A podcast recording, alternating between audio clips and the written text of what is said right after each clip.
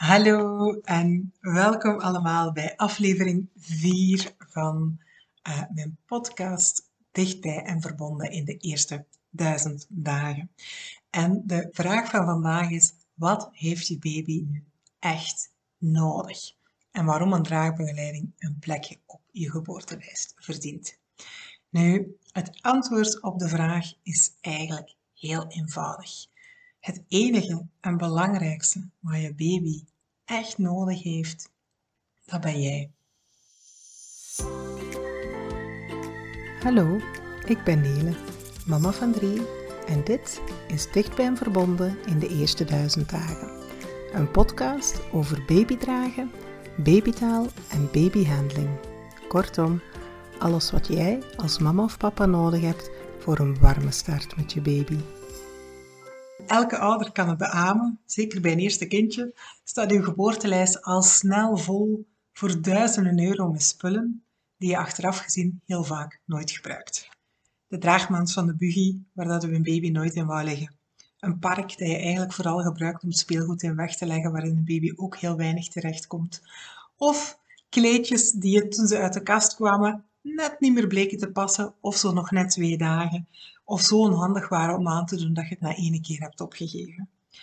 Een baby heeft eigenlijk helemaal niet zoveel nodig. Het allerbelangrijkste dat hij nodig heeft, dat ben jij en dat is jouw nabijheid en de veiligheid die hem dat geeft. Of haar. En daarom wijd ik aflevering 4 van de podcast aan de vele voordelen van babydragen. Ik moet eerlijk toegeven dat ik heel eventjes getwijfeld heb of ik vandaag wel een nieuwe aflevering zou uh, opnemen, want ik struggle een beetje met mijn gezondheid deze weken, waardoor ik heel erg moe ben. Maar ik moet toegeven, tijdens het voorbereiden en tijdens het nalezen van alle onderzoeken uh, ja, over die voordelen van babydragen, werd ik gewoon zo enthousiast dat ik keihard energie heb om dit met jullie te delen. Want iedereen zal het moeten weten en eigenlijk kan dit niet genoeg verteld worden. Dus bij deze, ik hoop dat jullie er even enthousiast over zijn als ik. Dr. Bino Singh is de bezielster van de Kleine K in Leuven en ze is echt een voorwegster van jonge ouders en hun kindjes. Die zegt het zo schoon. Het perspectief van het kind staat veel te weinig centraal. Dus laat ons misschien eerst eens kijken naar wat een baby echt nodig heeft. En eigenlijk is de wetenschap het hier al decennia lang over eens. Een babytje dat komt eigenlijk compleet hulpeloos ter wereld. En de enige manier van overleven is eigenlijk wanneer iemand voor de baby zorgt. Een babytje weet niet dat jij als ouder nog bestaat als je uit zijn gezichtsveld verdwijnt. Laat staan dat je nog gaat terugkomen om voor hem te zorgen. Ik citeer hier eventjes uit een artikel in de morgen over de zorg op de afdeling neonatologie. En daarin werd gezegd: pasgeborenen zijn biologisch voorgeprogrammeerd om de fysieke nabijheid te zoeken van een volwassene die een behoefte aan bescherming beantwoordt. En omgekeerd stimuleren baby's hun ouders om tederheid en troost te bieden. Dus van in het begin bestaat er al een soort van wisselwerking. Belangrijk om gewoon te weten, en dat kan echt gewoon niet genoeg gezegd worden, is dat nabijheid en aanraking echt basisnoden zijn van een baby en heel belangrijk om een goede hechting tussen een babytje en de ouders tot stand te kunnen brengen. En dat is eigenlijk ook heel logisch. Want als we eventjes gaan terugkijken, en ik herhaal het nog even kort, naar de evolutie van de mens, dan hebben wij miljoenen jaren lang als jager-verzamelaar geleefd en de mensen trokken gewoon de wereld rond. Het was niet veilig om een babytje neer te leggen, want dan zouden roofdieren ermee gaan lopen. En vrouwen hadden eigenlijk wel hun handen nodig om voedsel te kunnen verzamelen. Dus de eerste draagsystemen zijn echt al ontzettend lang geleden ontstaan. En onderzoek nu zegt ook dat dit wellicht een rol heeft gespeeld in het succes van onze mens als soort. Doordat wij een manier vonden om onze baby's op ons lichaam mee te dragen, hebben wij eigenlijk heel de wereld kunnen gaan bevolken. Nu, iets dichterbij, in de jaren 70, definieerde een gedragsbioloog, Bernard Hassenstein, de baby al als een draagling. En daarmee, um, ja, uh, vertelde hij eigenlijk over een nieuw soort, een nieuw type van voor de baby zorgen. Baby's zijn geen uh, nestvlieders die eigenlijk kort na de geboorte al in staat zijn om zelf rond te lopen, want dan zouden ze het ziekenhuis uitwandelen. Maar baby's zijn ook geen nestblijvers. Nestblijvers zoals muizen en kattenjongen, die worden zo hulpeloos en kwetsbaar geboren dat ze in een veilige nest liggen, maar die moeders die gaan zes of acht uur jagen en dan liggen die kindjes gewoon instinctief snel, eh, instinctief stil te wachten tot hun moeder terugkomt. Ook dat klopt niet met de zorg die onze baby's nodig hebben. Je kan een baby simpelweg niet in een bedje leggen en vijf uur later terugkomen. Nu, als we nog een kleiner stukje teruggaan en gewoon al eventjes kijken naar de periode dat de baby in de baarmoeder heeft rondgebracht, ja, dan moeten we ons daar gewoon eens in proberen inleven. Negen maanden lang zat die baby in de buik van de mama, in de baarmoeder, in een hele kleine, donkere, knusse, warme ruimte, waar die constant diepe druk voelde en de begrenzing eigenlijk van de baarmoederwand, waar die ook constant in beweging werd gebracht door de mama. En heel veel mama's gaan het kunnen beamen tijdens de zwangerschap. Wanneer voel je je baby vooral bewegen? Als jij rustig in de zetel zat of ging slapen. Wanneer waren de baby's rustig? Wanneer je zelf in beweging was. En dat is een gewoonte die ook na de geboorte nog blijft bestaan. Mede daarom wellicht komen baby's zo tot rust als ze stevig worden vastgepakt en je ermee gaat rondbewegen. Nu terug naar die baarmoeder. Een babytje kreeg vanzelf voedsel, kreeg vanzelf zuurstof, moest daar eigenlijk niks voor doen. En constant had hij het geluid van het lichaam van de moeder. En nog een laatste belangrijke, geen last van de zwaartekracht. Dus binnen die beperkte ruimte kon een babytje lichaamsoefeningen doen en rondbuitelen en bewegen en heel zijn lichaam eigenlijk gebruiken. En dan wordt zo'n kindje geboren.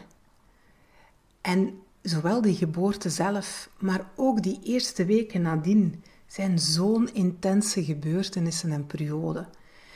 Je kunt je eigenlijk voorstellen alsof dat wij ineens op een totaal andere planeet worden gedropt. Plots is er zwaartekracht, ligt die baby letterlijk een stukje vast in zijn of haar eigen lichaam. Want zijn hoofd is zo zwaar en zijn lichaam is nog zo klein, zijn spieren zijn nog zo, nog zo weinig ontwikkeld, dat als je een baby neerlegt, neerlegt, dat hij eigenlijk letterlijk vast ligt. Als hij ongemakkelijk ligt, kan hij daar nog niet zo heel veel aan doen. En ook die zintuigen zijn slechts heel beperkt ontwikkeld. En alles is eigenlijk gericht op nabijheid van zijn zorgfiguren en het ontstaan van die goede hechting. En als we dan eens gaan kijken naar die hechting, eigenlijk decennia lang onderzoek bevestigt keer op keer op keer hoe belangrijk die veilige hechting is. En niet alleen voor de baby zelf, maar ook voor ons mentaal en fysiek welzijn als volwassenen, wanneer dat we dus opgegroeid zijn. Er is dus een reden dat baby's zo getroost worden wanneer je ze stevig vastpakt en ermee rondloopt of wiegt. Want dat roept ook een stukje weer die veiligheid en die bekendheid van die tijd in de baarmoeder op. Maar elke mama of papa die weet hoe vermoeiend het is om zo met een babytje rond te lopen. En daar komt dragen met een draagdoek of draagzak mee kijken. Voor heel veel ouders is dat echt een lifesaver. Want de bedoeling van die draagdoek of draagzak is dat die echt het gewicht van jouw babytje gaan overnemen, gaan verdelen over heel jouw lichaam, zodat je je handen vrij hebt om ook nog iets te doen, zodat je een keer buiten op stap kan. En de ene baby heeft meer behoefte om gedragen te worden of om dichtbij te zijn dan de andere. Maar weet dat zelf een super rustige baby die makkelijk overal in slaap valt, heel veel baat heeft bij gedragen te worden en bij jouw lichamelijke nabijheid te voelen. En om even ehm, in te gaan op al die voordelen van dragen, ehm, ga ik eigenlijk uh, een stukje info delen uit een onderzoek dat nu in juni 2020, uh, 2022 is gepubliceerd in de Academic Journal of Pediatrics and Neonatology En het onderzoek heet Baby-Bearing Practices and Effects on Parental and Child Physical and Psychological Health. Of um, babydragen en het effect op de uh, fysieke en psychische gezondheid van zowel baby als ouder. En eigenlijk ja, zijn er bijna uh, uh, te veel voordelen om op te noemen, maar ik ga toch een poging doen. Um, nu, in een eerder gepubliceerd onderzoek in 2020 werd eigenlijk al gesteld dat gedragen worden een basisnood is, een biologische basisnood is voor een baby. En als je dit laatste onderzoek leest, dan begrijp je helemaal waarom. Ik ga dus um, een samenvatting met jullie delen of uitleggen, maar als je het onderzoek zelf een keertje wil nalezen, de link staat onder dit filmpje of voor degenen die naar de podcast luisteren. De link uh, staat ook in de uitleg van de podcast en dan kan je het zelf even gaan nalezen. Onderzoek wijst eerst en vooral uit dat ongeveer 1 op 2 volwassenen een onveilige hechting heeft gehad met zijn eigen zorgfiguren.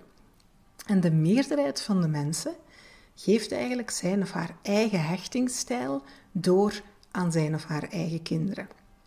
Onderzoek wijst uit dat ongeveer 40% van alle baby's een onveilige hechting ervaart.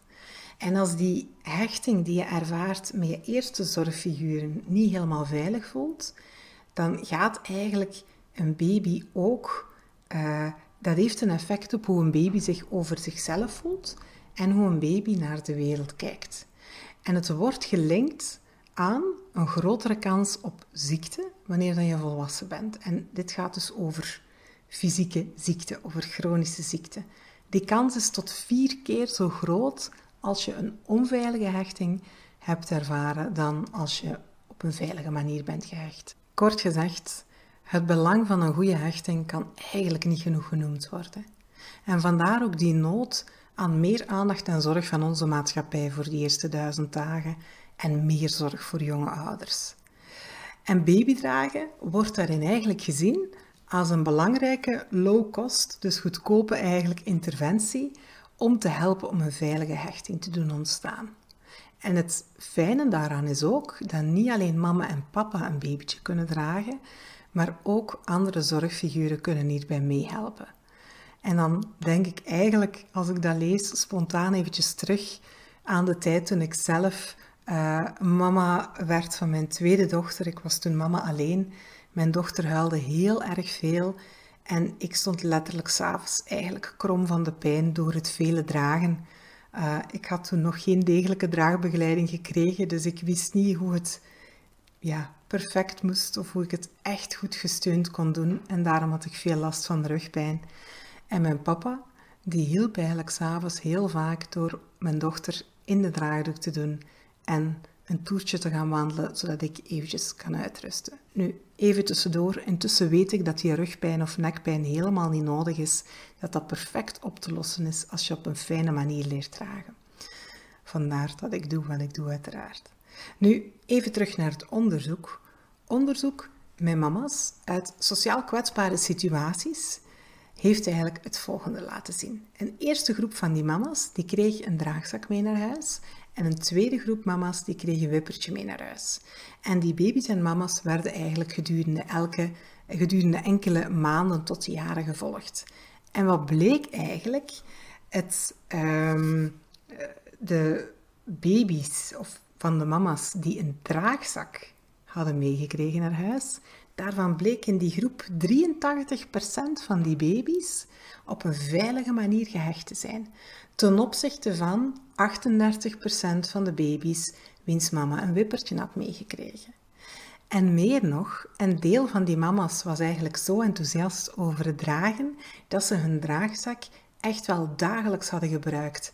En in die groep bleek 93%, 93% van die baby's een veilige hechting te hebben. Dat is ongelooflijk veel. En er zijn eigenlijk verschillende andere studies die keer op keer die resultaten hebben bevestigd. Nu, de andere voordelen som ik graag eventjes op. Uh, wat is er eigenlijk al gebleken? Uh, wat zijn de voordelen van babydragen. Um, er is een ehm, bewezen effect op het geven van borstvoeding. Moeders die dragen en borstvoeding geven, die voeden eigenlijk langer in aantal maanden en ook frequenter. Wellicht heeft dat te maken met het feit dat ze eigenlijk die signalen van een babytje dat die honger heeft, beter oppikken, waardoor eigenlijk die borstvoeding ook beter verloopt, waardoor ze eigenlijk ook langer borstvoeding gaan geven. Een heel mooi effect is het effect dat dragen op huilen heeft. 43% van de baby's, um, nee, ik zeg het even opnieuw, wacht. Wat zijn nu nog andere voordelen van babydragen? Ik uh, hier eigenlijk, of ik benoem ze hier kort eventjes. Babydragen heeft een heel positief effect op het verloop van borstvoeding. Het blijkt dat moeders die regelmatig dragen, langer borstvoeding geven en frequenter borstvoeding geven. Wellicht heeft dat te maken met het feit dat ze gewoon door het babytje dichtbij te dragen veel sneller die eerste hongersignalen gaan oppikken, waardoor ze eigenlijk sneller gaan voeden, waardoor die borstvoeding beter verloopt, waardoor ze ook langer gaan borstvoeding geven. Nu, een tweede en heel belangrijk voordeel is het effect dat het heeft op huilen. Er is een onderzoek gedaan naar baby's op de leeftijd van zes weken. En op de leeftijd van zes weken zit uh, volgens onderzoek naar huilen ongeveer de piek van huilen. Dan huilen de baby's het meest.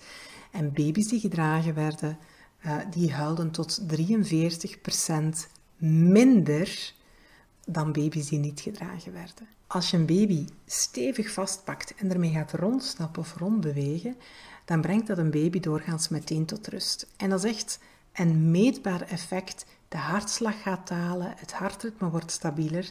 En dat gebeurt niet alleen bij de baby, maar dat gebeurt ook bij de persoon die draagt. Dus die ontspanning en die rust die komt, gebeuren bij beide. Logisch toch dat dat weer mooi, um, mooi die fijne hechting gaat stimuleren. En dat zowel ouder als baby kunnen genieten van die draagmomentjes. Een derde voordeel het heeft, uh, een baby dragen heeft een effect op de kwaliteit van de slaap.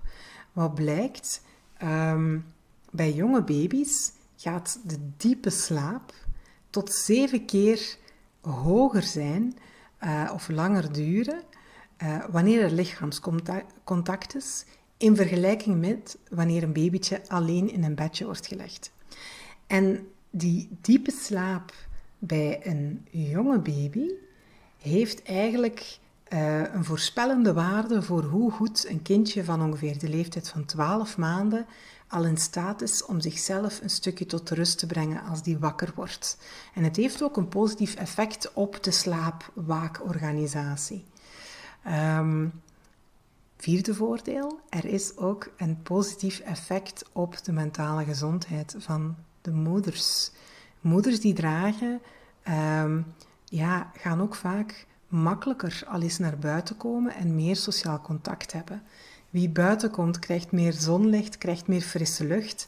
En wie sociaal contact heeft, ja, die uh, zaken die verminderen eigenlijk um, de kans op het voorkomen van depressie. Uh, een ander mooi voordeel is het effect op de betrokkenheid van vaders. Vaders die na een werkdag hun kindje ook dichtbij kunnen dragen, die gaan eigenlijk door dat lichaamscontact opnieuw eigenlijk een, een, grotere betrokkenheid hebben in de zorg voor een kindje en ook een betere band daarmee ervaren. En dan het laatste voordeel wat in dit artikel belicht wordt, is eigenlijk het effect op de heupontwikkeling en heupdysplasie. Belangrijk daarbij is natuurlijk dat een baby in een goede positie wordt gedragen. En die positie die groeit eigenlijk ook mee met de leeftijd en de mogelijkheden van je baby. Als je daar meer over wil weten, aflevering 2 van de podcast ging over een goede positie.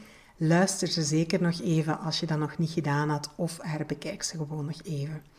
Nu, wat blijkt uit onderzoek? Heupdysplasie komt minder vaak voor als baby's in een goede positie gedragen werden en het risico op artritis in de heup op volwassen leeftijd verlaagt hier ook door. Nu, hier komen we eigenlijk wel weer een stukje op het belang van een goede manier van dragen. Want um, er zijn ook wel risico's.